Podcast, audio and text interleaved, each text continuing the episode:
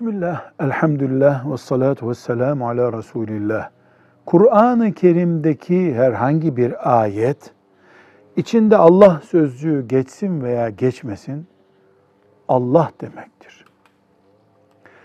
Duvarlara ev duvarı olsun, cami duvarı olsun, boyayla veya nakşederek, kazıyarak ayet yazmak, belki haramdır diye bir kayıt kitaplarda yok.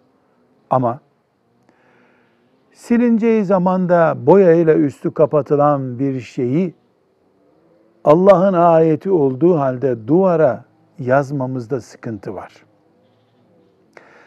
Camilerin kıble duvarları bomboş olmalı.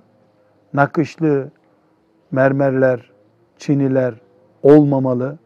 Duvarlara ayetler yazılmamalıdır.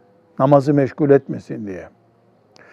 Camilerin diğer duvarlarına yazılan ayetler de okunup anlaşılır şekilde yazılmalıdır. Hattatların sanat gösterisi yapmak için yazdığı yazılar yüzlerce senedir cami duvarlarında, kubbelerinde yazılı olduğu halde iki Müslüman onları okuyup bir ibret alamadıysa neden yazıldı diye sorulur. Her halükarda ayetler, Kur'an ayetleri, Allah'ın sözleri bir dekor malzemesi olarak kullanılmamalıdır. Süslemeye ayet kullanılmamalıdır. Kullanılıyorsa her türlü saygı kurallarına göre kullanılmalıdır. Saygıda kusur edilmemelidir. Silineceği zaman bir çamaşırdaki leke siliniyor gibi silinmesi yanlış bir şey. Veya kenarında kuş resimleri bulunan ayetleri görmek Müslümanı hoş etmez, etmemelidir.